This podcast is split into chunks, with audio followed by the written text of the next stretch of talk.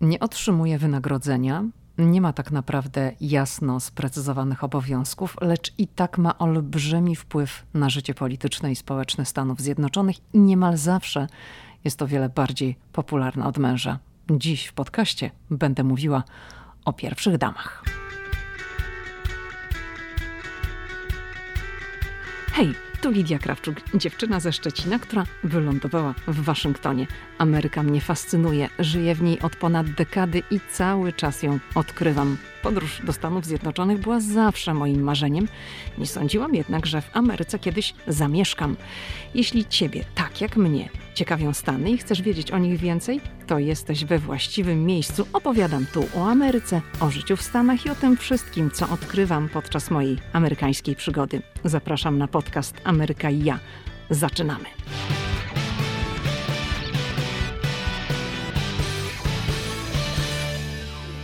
Hello, hello, dzień dobry. Dziękuję za wszystkie nowe recenzje, pięć gwiazdek i tyle miłych słów na temat podcastu Ameryka i ja. Bardzo mnie to cieszy. Bardzo mi miło i no cieszę się, nie będę ukrywała, że doceniam fakt, iż zauważacie, że podcasty są ciekawe, są merytoryczne, dobrze przygotowane i są różnorodne. Nie zamierzam robić wyłącznie wywiadów, dlatego dziś odcinek solo i jak zapowiedziałam na początku, to odcinek o pierwszych damach. Pierwsza dama USA, czyli The First Lady of the United States, Flotus, ten tytuł nosi gospodyni Białego Domu, czyli żona, zwykle żona urzędującego prezydenta Stanów Zjednoczonych. Pierwsza dama Stanów Zjednoczonych, ale w Polsce tak samo, nie otrzymuje wynagrodzenia tak naprawdę tutaj w Stanach nie ma oficjalnie zdefiniowanej swojej roli, lecz tak naprawdę odgrywa bardzo dużą rolę w życiu politycznym i społecznym Stanów Zjednoczonych. Ten tytuł i miejsce, w jakim znajduje się po tym, jak jej mąż wygrywa wybory, daje pierwszej damie możliwość budowania olbrzymiej platformy wokół siebie i wykorzystywania tej platformy do wielu celów, przede wszystkim oczywiście społecznych. No innych no nie wypada, też nie może biznesu sobie robić, tak? Pierwsza dama, jak wspominałam, nie otrzymuje wynagrodzenia, lecz ma swoje oficjalne biuro i budżet federalny na utrzymywanie swojego zespołu. Biuro czy biura dla niej i współpracowników znajdują się we wschodnim skrzydle Białego Domu, czyli East Wing. Prezydent zajmuje skrzydło zachodnie, czyli West Wing, a ta centralna, środkowa część, no to to jest główny budynek Białego Domu. I jeżeli będziesz w Waszyngtonie, to głównie widzisz ten główny budynek, ale tam w tym miejscu są pokoje, gdzie odbywają się oficjalne uroczystości, natomiast wyżej to, są, to, to jest ta, ta prywatna kwatera, w której mieszka prezydent z rodziną. I jak duży zespół ma pierwsza dama wokół siebie, to trochę zależy od niej. Na przykład Michelle Obama miała w swoim biurze zatrudnionych 16 osób i to kosztowało rocznie prawie 1,5 miliona dolarów. Skąd to wiadomo? Co roku Biały Dom wysyła kongresowi raport dotyczący tego, kto pracował w danym roku w Białym Domu, na jakim stanowisku i ile zarobił. Taki jest wymóg. Następczyni Michelle Obamy, Melania Trump miała o wiele mniejszy zespół i mniejsze wydatki, ale też oczywiście Melania Trump działała na mniejszą skalę niż Michelle Obama. Ona nie angażowała się w tyle projektów, w tyle różnych inicjatyw, co, co Michelle Obama. Pierwsze damy zawsze miały ogromny wpływ i często mówi się, że one za zamkniętymi drzwiami są tymi największymi nieformalnymi doradcami. Ale co jakiś czas pojawiają się też głosy, iż rola pierwszej damy jest nadmuchana. Zwłaszcza to się działo w okresie, gdy na prezydenta wybrano Donalda Trumpa i Melania Trump urzędowała w Trump Tower w Nowym Jorku, bo przeniosła się do Waszyngtonu dopiero pół roku po zaprzysiężeniu. No mówiąc szczerze, tutaj w Stanach Zjednoczonych, jak ja pamiętam ten okres, to było w mediach takie nawet wręcz oburzenie, że jak to ona się wyłamała z tej tradycyjnej roli, kiedy Zaraz po wygraniu wyborów, po zaprzysiężeniu w styczniu, cała rodzina przenosi się do Białego Domu i tu rozpoczyna swoje życie, a Melania Trump powiedziała nie, ona czeka aż Baron dokończy rok szkolny i wtedy, wtedy się przeniosą. I no właśnie wtedy z jednej strony była ta krytyka, że dlaczego, jak to tak. Michelle Obama, pamiętam, nie pamiętam, czy ona to napisała we swoich wspomnieniach, czy mówiła o tym w jednym z wywiadów, że ona też się bardzo zastanawiała nad tym, czy to jest dobrze, że swoje dzieci nagle wyrwie z tego środowiska szkolnego, w którym one są, swoje córki, no ale jednak bała się tego, co mogłoby się wydarzyć, jak bardzo to by było krytykowane i nie zdecydowała się na taki krok. Melania Trump podeszła do tego zupełnie inaczej zrobiła to mm, po swojemu. I właśnie w tym okresie zaczęły pojawiać się w amerykańskiej prasie i takie głosy, że tak naprawdę ta rola, która ma charakter ceremonialny, bo tak to się też mówi, jest niepotrzebna ze względu na koszty. To znaczy, może nie o to chodzi, że pierwsza dama jest niepotrzebna. Tu się przejawiał ten wątek budżetu.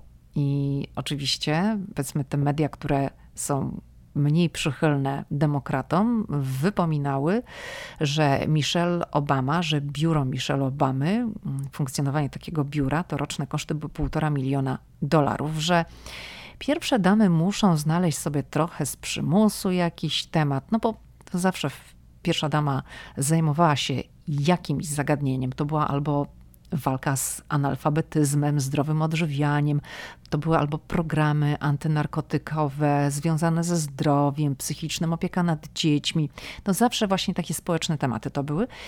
I że żonie prezydenta daje się budżet federalny i zainteresowanie mediów tylko dlatego, iż jest żoną człowieka wybranego na prezydenta. To nie jest do końca tak i ja się z tym nie zgadzam, ponieważ żony kandydatów na prezydentów, większość z nich no wyjątkiem w tej najnowszej historii była Melania Trump, ale większość żon bardzo aktywnie uczestniczy w kampanii wyborczej. One również pracują na sukces swojego męża i nawet jeśli nie są to zawsze wielkie spotkania relacjonowane przez media, bo te wielkie to są, ponieważ pierwsze damy czy kandydatki przyciągają tak samo dużą uwagę, to również bardzo duże znaczenie odgrywają te małe spotkania, spotkania z darczyńcami, którzy przekazują pieniądze na kampanię. A to, jak wiadomo, nie ma pieniędzy, nie ma kampanii. Zresztą w Stanach Zjednoczonych kandydaci na prezydenta muszą dysponować odpowiednim budżetem. Widełki są jasno określone, ile na jakim etapie gdy mówimy tutaj o ubieganiu się o nominację partii, ile taki kandydat musi uzbierać pieniędzy, by móc przechodzić do kolejnych etapów. Nie uzbiera, do widzenia odpada, często po prostu oni sami się wycofują. No właśnie dlatego, że nie są już w stanie zbierać funduszy, że to poparcie jest takie niskie, a jak jest niskie poparcie, no to nikt nie chce wpłacać na kampanię. Także zazwyczaj pierwsza dama, jak już wejdzie do tego swojego biura, jest także po morderczej pracy, po wysiłku, który wiąże się z kampanią wyborczą. To jest praca zespołowa, no i czasami, nie mówię, że wszyscy to do tego sprowadzają, ale, ale zdarza się, że gdzieś tam można czytać takie głosy, że sprowadzanie tego wszystkiego do butów, do strojów, do fryzur jest po prostu niedorzeczne. Owszem, to o czym powiedziałam, buty, stroje, fryzury. To jest element, który przyciąga uwagę. Nie czarujmy się. Stroje pierwszych dam są przedmiotem artykułów w mediach, one są pokazywane w telewizji, w magazynach, są omawiane szeroko. Pierwsze damy to są influencerki. Ja wiem, że może to jest niewłaściwe słowo, ale one mają po prostu, bo influencerka nam się kojarzy tak czasem z dziewczyną z Instagrama, która reklamuje kosmetyki, ubrania i tak dalej, ale influencerzy są różni i pierwsza dama też jest taką osobą, która ma olbrzymi wpływ i jeżeli tutaj mówimy o tych ubraniach nieszczęsnych, jeżeli pierwsza dama ma na sobie coś z sieciówki, to się wyprzedaje natychmiast, ale również jeżeli są to ubrania od projektantów i kogoś stać na sukienkę za 2000 dolarów, to te modele również znikają. Także to się wszystko wyprzedaje natychmiast. Natomiast trzeba podkreślić, że większość tych kobiet, kobiet, które są pierwszymi damami, ma większe ambicje niż kwestia wyglądu. No ale one są najbardziej fotografowanymi kobietami w Ameryce i trudno, żeby pierwsze damy chodziły w workach na ziemniaki. Ja wiem, że tutaj ekstremalnie już powiedziałam, ale chciałam, żeby to zabrzmiało dosadnie. Moda to jest też przecież wielki biznes. A tuż w Stanach to w ogóle i projektanci marzą o tym, by, by pierwsza dama pokazała się w stroju od nich. Teraz, tak jak o tym wszystkim mówię, to tak sobie pomyślałam, że Smithsonian Institution, czyli instytucja, która ma pod skrzydłami wiele muzeów w Waszyngtonie, do których wstęp jest darmowy, to już mówiłam o tym w podcaście nieraz, jak podejrzewam, trochę też zdefiniowała rolę pierwszej damy poprzez strój, bo jedna z najpopularniejszych wystaw, First Ladies, która jest prezentowana w Muzeum Historii Amerykańskiej w Waszyngtonie, prezentuje stroje pierwszych dam, głównie suknie, w których występowały przy okazji oficjalnych wystąpień. I w ostatnich dekadach to są przede wszystkim suknie, w których pierwsze damy występowały na balach inaugurujących prezydenturę ich mężów. Plus jest również w ramach tej wystawy porcelana, to znaczy to są takie przykłady zestawów, które powstawały przy okazji danej administracji. I, I, ta porcelana to jest porcelana z przeznaczeniem na oficjalne kolacje, state dinner, takie kolacje rangi państwowej. I, I pierwsza dama zwyczajowo odpowiada za taki nowy zestaw porcelany, czuwa nad tym, wybiera wzór, nadzoruje to. No wiadomo, że ona tam nie jedzie nie robi zamówienia, ludzi ma od tego, ale to jest taki mm, projekt, nad którym ona czuwa. I ta wystawa, o której mówię, First Ladies, to jest jedna z najpopularniejszych wystaw Muzeum Historii Amerykańskiej. I zastanówmy się, w jaki sposób mamy tutaj zdefiniowaną pierwszą damę. No tak, od razu mi przychodzi na myśl, powiem to, przez ciuchy i gary. Ja wiem, że mm, trochę to tak zabrzmiało, ale no pokazuje się tutaj sukienki i talerze plus kieliszki. Oczywiście tam są te informacje, że mają niesamowity wpływ. Mm, są takimi powierniczkami swoich mężów i to jest bardzo istotna rola. Ale, no właśnie, w Muzeum Historii Amerykańskiej prezentuje się ich buty, sukienki, torebki, no nie prezentuje się nigdzie garniturów i smokingów prezydentów Stanów Zjednoczonych. No na szczęście pierwsze damy mogą już po zakończeniu swojej działalności przy okazji prezydentury męża same definiować, co pokazać. I zwyczajowo każdy prezydent buduje potem, jak już zakończy swoją kadencję w Białym Domu, jedni jedną kadencję, inni dwie, to zazwyczaj każdy prezydent potem buduje bibliotekę własnego imienia i to są oczywiście obiekty do zwiedzania o charakterze komercyjnym, czyli płaci się za wstęp. Ja tak na przykład to byłam pod ogromnym wrażeniem biblioteki Ronalda Reagana w Kalifornii, w której stoi dawny Air Force One. To nie jest ta wersja Jumbo Jet, bo teraz to jest ten Jumbo Jet 747 z garbem. I Ronald Reagan używał właśnie tego samolotu, który jest prezentowany w tej bibliotece w Kalifornii. Używał go w czasie swojej prezydentury. Nie tylko on, używało go w sumie siedmiu prezydentów łącznie z Reaganem, bo ten samolot był w służbie od 1973 do 2001 roku i można tam na pokład tego samolotu wejść. I w ramach tej biblioteki Regana zbudowano wielki hangar. To się prezentuje wspaniale i polecam każdemu, każdemu, kto wybiera się do Los Angeles, o zrobienie sobie wycieczki do Simi Valley. Ta biblioteka jest przepięknie położona, tam się jedzie tak pod górkę. To jest godzina drogi z Los Angeles w otoczeniu winnic, pięknych wzgórz. Tam jest super, naprawdę krajobrazy. No, wspaniale, jak o tym wszystkim sobie przypominam, to, to sobie teraz myślę, że bardzo chętnie zobaczyłabym to miejsce raz jeszcze. W każdym razie, wracając do pierwszych dam w bibliotekach, bo też muszę zaznaczyć, że to nie są takie klasyczne biblioteki, prawda? Bo hasło biblioteka, no to od razu sobie myślimy, aha, idę i wypożyczam książki. To nie jest klasyczna biblioteka.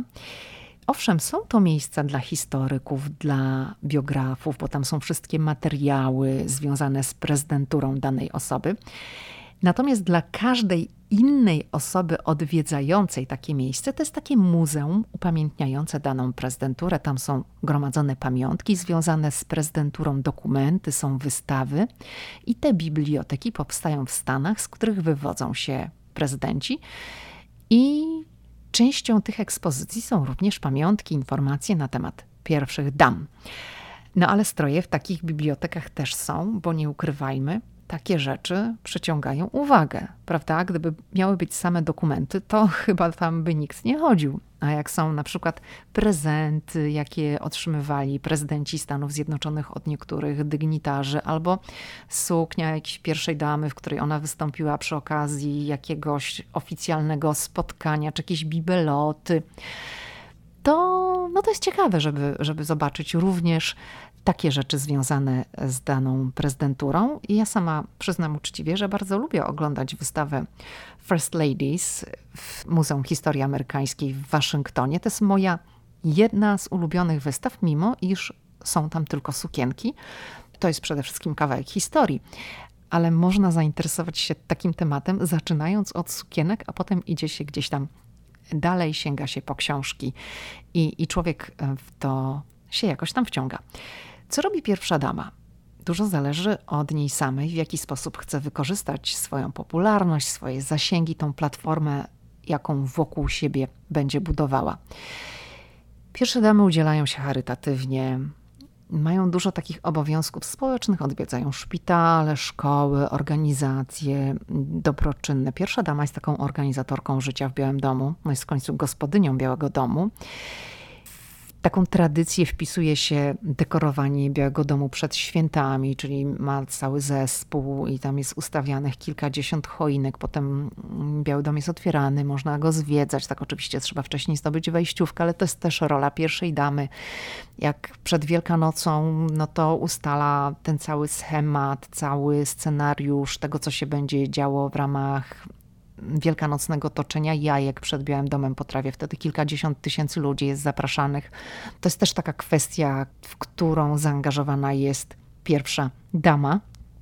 No, ale również ona przede wszystkim wspiera swojego męża, bo nawet jeśli nie ma tej jasno sprecyzowanej roli, to jak jest wizyta państwowa i oni gdzieś jadą, to zawsze ta pierwsza dama przyciąga bardzo dużą uwagę. Dobrze, to może w tej chwili dwa słowa o obecnej pierwszej damie Jill Biden. Ona w tę rolę weszła z wielką pewnością siebie. Nie miała tak naprawdę okresu, gdzie nowa pierwsza dama jest trochę niepewna, musi się z pewnymi rzeczami oswoić. Jill Biden zna Waszyngton od podszewki. Poza tym była przecież wcześniej żoną wiceprezydenta Stanów Zjednoczonych w administracji Baracka Obamy i po prostu wie, z czym to się je, na czym to polega to jest osoba z bardzo dużym doświadczeniem. Jill Biden skończyła właśnie 70 lat, notabene świętowała urodziny swoje nad oceanem w Rehoboth Beach w stanie Delaware. I Bidenowie tam mają dom wakacyjny. Ja niedawno byłam w Dewey Beach. To jest miejscowość dosłownie obok, także spacerkiem sobie też tam przeszłam plażą do Rehoboth Beach i jeżeli ktoś mnie obserwuje na Instagramie, to pokazywałam te okolice. Mm, zresztą ta relacja jest ciągle zapisana u mnie na Instagramie. Ona nazywa się Dewey Beach. To no, można sobie zobaczyć ciągle, jak wygląda taki kurort nad oceanem, nad Atlantykiem na wschodnim wybrzeżu w Stanach Zjednoczonych. I wracając do, do pierwszej damy, tak sobie myślę, że Jill Biden no to ma gorzej niż poprzedniczki, dlatego że rozpoczęła tą swoją działalność jako pierwsza dama w pandemii nie miała tego, co jest tradycją balu inaugurującego prezydenturę, tego słynnego tańca w pięknej sukni wieczorowej. I znowu ta sukienka. A, ale, ale to jest tradycja. Cała Ameryka ogląda w telewizji ten taniec. Zresztą to jest potem, myślę, pokazywane w telewizjach na całym świecie. W Polsce również. Myślę, że większość słuchaczy widziała takie tańce prezydentów Stanów Zjednoczonych przy okazji inauguracji prezydentury. To jest historyczny moment i jak już będziesz kiedyś w Waszyngtonie, bo ja jestem pewna, jestem pewna, że część słuchaczy w końcu tu wyląduje na skutek moich podcastów. Zatem, jak będziesz i pójdziesz do Muzeum Historii Amerykańskiej na wystawę First Ladies, to zobaczysz tam raz te suknie, dwa te tańce, dlatego że na ścianach są zamontowane wyświetlacze i tam są zapętlone filmy z tańcem pierwszych par. Także to w kółko leci i można sobie zobaczyć te historyczne tańce, jak tam Ronald Reagan tańczy z żoną, Bushowie, Clintonowie. Na przykład. No właśnie, co teraz z Jill Biden? Bo ona nie miała tego tańca, nie było tej sukni balowej. No nie miała tańca, ale miała fajerwerki. bo razem z Joe Bidenem oglądali z balkonu Białego Domu fajerwerki. Fajerwerków tych ostatnich, tak jak ja pamiętam te prezydentury, poprzednie inauguracje, to nie było fajerwerków, były bale. No a tutaj, dlatego że była pandemia, to, to był wielki pokaz fajerwerków nad Waszyngtonem, niezapowiadany, także żeby ludzie się nie gromadzili. I, I wówczas Jill Biden zaprezentowała się w takim białym komplecie, to była biała sukienka, taka za kolano, do tego był płaszcz i właśnie ten zestaw trafi do muzeum. No i na pewno to się będzie odbywało tak jak przy okazji poprzedniczek, że to już będzie oficjalnie, zresztą wychodzimy z pandemii, także na pewno Jill Biden przyjedzie na tę uroczystość do Muzeum Historii Amerykańskiej. Muszę też zaznaczyć, że Jill Biden, ona się prezentuje elegancko, stosownie do okazji, ale to nie jest osoba, która koncentruje się bardzo na ubiorze wiele z jej strojów to już są stroje, które gdzieś tam pojawiały się wcześniej, tak? No bo wiadomo, teraz media śledzą to bardzo dokładnie tutaj w Ameryce i natychmiast jak ona gdzieś się pojawia przy okazji oficjalnych okazji, to o, to już tam miała założone wtedy, wtedy, wtedy. Muszę powiedzieć, że zaraz po objęciu przez Joe Bidena fotela prezydenta, Jill Biden właściwie natychmiast przystąpiła do działania. Ona nie ociągała się, nie musiała się wdrażać. Oczywiście działała na tyle, na ile mogła mm, z powodu pandemii, lecz było bardzo dużo spotkań z jej udziałem takich wirtualnych, ale nie tylko. Pamiętamy, to mówiłem, pamiętamy o wszystkich osobach, które śledzą wydarzenia w Stanach Zjednoczonych, że przez kilka miesięcy tutaj w Waszyngtonie Kapitol był strzeżony przez żołnierzy Gwardii Narodowej po szturmie na Kapitol z 6 stycznia i Jill Biden poszła odwiedzić tych żołnierzy i to było takie, no wyobraziłam sobie od razu w kontekście Polski, jak inne są to kultury. To był taki moment, gdy pierwsza dama, mówię teraz o pierwszej damie w Stanach Zjednoczonych, poszła z koszyczkiem, w którym miała ciasteczka i dawała ciasteczka żołnierzom. I no to trochę taka niepolska bajka, prawda? A to się wpisuje w charakter tego kraju. Te ciastka zostały oczywiście upieczone w Białym Domu. Oczywiście, no to wiadomo, to jest zabieg PR-owski, ale to było wszędzie jak sobie wpiszesz w Google hasło Jill Biden Cookies, no to od razu wyskakują obrazki pierwszej damy z żołnierzami. Ona w maseczce z tym koszyczkiem, ciasteczka. To były ciasteczka z kawałkami czekolady i oczywiście każde ciastko było zapakowane i przewiązane tasiemką. W jakich kolorach? W kolorach amerykańskiej flagi. Wiadomo. Ale tak ogólnie mówiąc, to jest bardzo zaangażowana, działająca pierwsza dama od początku prezydentury odwiedziła już ponad 15 stanów samodzielnie. I to były i szkoły, i miejsca, w których podawano szczepionki. Ona przyjęła taką rolę osoby, która jest wsparciem w czasie pandemii. Były takie obrazki, gdzie ona dodawała otuchy dorosłym osobom, które bały się zastrzyku. Ale no nie chcę skupiać się tu wyłącznie na Jill Biden. Nie chcę jej również porównywać do Melanie Trump. Zresztą o Melanie to był podcast numer 20 i numer dwa był o Jackie Kennedy. To tak dla przypomnienia. Pierwsza dama, mimo iż, jak mówiłam, nie dostaje za swoją działalność wynagrodzenia i nie ma tak naprawdę określonej roli, co ma robić, no jest jakiś zwyczaj, jest tradycja, ale pierwsza dama jest niemal zawsze popularna bardziej od swojego męża i wspomnienia pierwszych dam sprzedają się lepiej niż wspomnienia byłych prezydentów. Ciekawe, prawda? No, Michelle Obama pod tym względem rozbiła bank. Jej wspomnienia ukazały się w przekładzie na kilkadziesiąt języków. To są wielomilionowe nakłady. W tej chwili już nawet nikt nie podaje, jakie to są ilości. Spotkania autorskie z jej udziałem to były niczym koncerty rockowe w wielkich halach. No i oczywiście to są wielkie pieniądze. Zresztą mówi się, że Obamowie, bo oni przecież wspólnie działają, mówi się, że Obama to będzie pierwszy były prezydent Stanów Zjednoczonych, który stanie się miliarderem po zakończeniu kariery w Białym Domu. No, kiedyś prezydenci nie mieli aż tak wielu okazji do zarabiania. Znaczy, głównie były to prelekcje, wykłady. A obecnie, w przypadku Obamów, no to proszę, są umowy z Netflixem, ze Spotify, są książki, wystąpienia. To naprawdę daje gigantyczne możliwości finansowe. I trzeba też jednak zaznaczyć, że Michelle Obama, i to myślę trzeba mocno zaakcentować, to była pierwsza dama, która tak naprawdę mogła skorzystać z tych globalnych zasięgów, jakie daje internet i media społecznościowe. W przypadku poprzedniczek to jeszcze tak nie działało. Pierwsze damy nie miały takich możliwości. Nie było też tej takiej darmowej reklamy w postaci udostępnień czytelników w mediach społecznościowych, że ludzie sobie przekazują pewne rzeczy, tak? Także no to się wtedy mogło tak rozlać na, na cały świat i no i dzięki temu też sprzedaż tej książki była taka duża. Ale tak naprawdę pierwszą, pierwszą damą, która zapoczątkowała pisanie wspomnień, była Lady Bird Johnson. I one ukazały się w 1970 roku. No, wcześniej książki pierwszych dam ukazywały się, ale to było sporadycznie. Napisały je m.in. Eleanor Roosevelt, Helen Taft, lecz Lady Bird Johnson, mm, która została pierwszą damą nagle i niespodziewanie w 1963 roku po zabójstwie Johna Kennedy'ego. Lyndon Johnson został zaprzysiężony na prezydenta, no i Lady Bird Johnson została pierwszą damą i wkrótce po przeprowadzce do Białego Domu zaczęła pisać. Technicznie nagrywać się. Codziennie około siódmej wieczorem siadała na godzinę i utrwalała to, co się wydarzyło w danym dniu.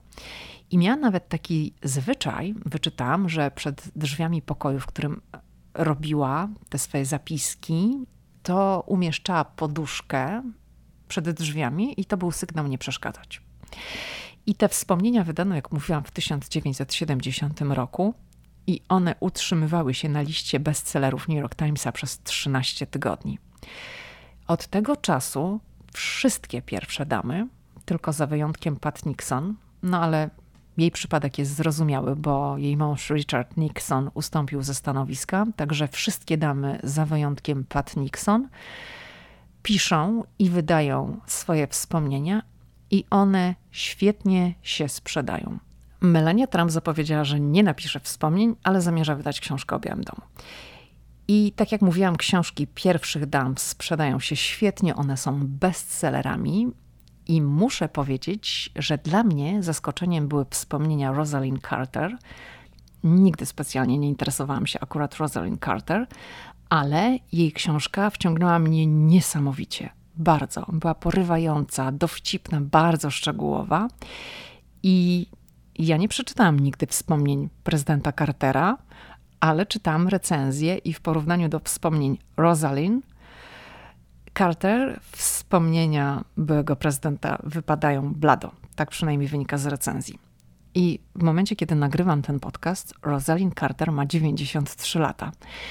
To była pierwsza dama, która miała zwyczaj uczestniczenia w spotkaniach gabinetu. To było dość, może nie dość, nawet bardzo kontrowersyjne. Po prostu siadała sobie z boku i przysłuchiwała się temu, co się działo. Ona to tłumaczyła tak, że chciała wiedzieć, co się dzieje, że często musiała sama uczestniczyć w spotkaniach z ludźmi, reprezentować prezydenta, ludzie jej zadawali pytania i ona chciała wiedzieć, co się dzieje. Poza tym miała taki zwyczaj, że raz w tygodniu chodziła do gabinetu owalnego i miała tam godzinny lunch ze swoim mężem. To był taki lunch roboczy, podczas którego para spożywała posiłek i dyskutowała na temat bieżących wydarzeń. Nie, że w domu, przy kolacji i tak dalej. Nie, raz w tygodniu lunchek z mężem w gabinecie owalnym w Białym Domu. Carterowie opuścili Biały Dom po jednej kadencji. Carter przegrał wybory z Ronaldem Reaganem i to była bardzo chłodna zmiana władzy. I jedna oraz druga pierwsza dama napisały o sobie we wspomnieniach bardzo chłodno. Bardzo. I no nie ma co ukrywać, one nie, nie darzyły się sympatią. A Nancy Reagan była taką pierwszą damą, która no nie miała łatwo z mediami. Media jej nie szczędziły krytyki, ona nie była ulubienicą. No ale też trzeba tutaj powiedzieć, że nie była też łatwa we współpracy. Miała ogromny, ogromny wpływ na męża i w Ameryce wybuchł wielki skandal, dlatego że okazało się, iż Nancy Reagan korzysta z usług astrologa, a te porady były wykorzystywane w układaniu grafiku prezydenta. No to można sobie wyobrazić, co się działo, tak? Jak wyszło na jaw, że po prostu grafik jest układany zgodnie z tym, co sugeruje astrolog.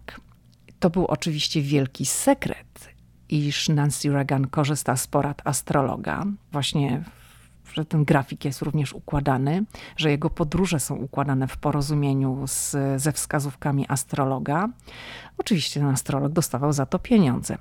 Ale ten sekret ujawnił jeden ze współpracowników, no taki, który został zwolniony z Białego Domu, on się w jakiś sposób dowiedział, bo Nancy Reagan miała również wpływ na to, jeżeli widziała, czuła, że ta osoba nie jest lojalna wobec jej męża, że w jej opinii ta osoba szkodzi, a nie pomaga, to potrafiła tak zadziałać, że ta osoba już nie była w otoczeniu. Dlaczego Nancy Reagan korzystała z porad astrologa? No wiadomo, Reaganowie wywodzili się z Hollywood, a w Hollywood robi się różne rzeczy. Również korzysta z porad astrologa, ale ona zaczęła to robić po tym, mm, jak no była próba zabójstwa na Ronalda Reagana i on ledwo uszedł z życiem. Był przecież krótko prezydentem i, i była ta próba zabójstwa, więc wtedy zaczęła korzystać z tych porad. Ale tak mówiąc ogólnie, to co łączy wszystkie pierwsze damy, to jest ten fakt, że ich wspomnienia są niesamowicie popularne i wszystkie te wydane w XX i XXI wieku trafiły na listy bestsellerów i sprzedawały się lepiej niż wspomnienia byłych prezydentów. Michelle Obama wspólnie z Barackiem Obamą oni otrzymali w sumie 65 milionów dolarów za napisanie wspomnień książka Michelle Obamy, no to był wielki hit. No, no, nadal się przecież sprzedaje, tak? O tym już mówiłam. Wspomnienia Baracka Obamy też były tutaj w Stanach bestsellerem, ale to już nie była taka skala jak wspomnienia Michelle Obamy. Też trzeba powiedzieć, że Barack Obama wydał swoje wspomnienia już w czasie trwania pandemii, więc nie miał tych spotkań autorskich na taką skalę, jak miała Michelle Obama w wielkich harach, arenach. Myślę, że to by wyglądało podobnie. I ona by pewnie też go wsparła, bo przecież jak były, było tournée z udziałem Michelle Obamy, to on tam ją zaskoczył też. Nie pojawiał się zawsze, ale były takie momenty, że się, że się pojawił. I myślę, że ona też by go zaskoczyła. Pewnie zrobiliby taki sam film na Netflixie jak z Michelle Obamą, no ale, ale tego nie było. I tu chciałabym powiedzieć o jeszcze jednej ciekawej rzeczy. Otóż Obamowie, jak mówiłam, podpisali wspólnie kontrakt na 65 milionów dolarów. Zazwyczaj zaliczki były wypłacone osobno na wspomnienia prezydenta i pierwszej damy. I pierwsze damy, choć było wiadomo, że ich pamiętniki sprzedadzą się o niebo lepiej, otrzymywały i tak mniejszą zaliczkę niż prezydenci. Nie dostają wynagrodzenia, nie mają jasno określonej roli, piszą lepsze wspomnienia, które sprzedają się o wiele lepiej, są o wiele bardziej popularne, a i tak nie są traktowane równo. Ciekawe, prawda? No ale tu kłania się zupełnie inny temat, temat dotyczący równości płci. To tyle na dziś. Do usłyszenia za tydzień w następny wtorek, a w międzyczasie do zobaczenia na Instagramie Ameryka i ja.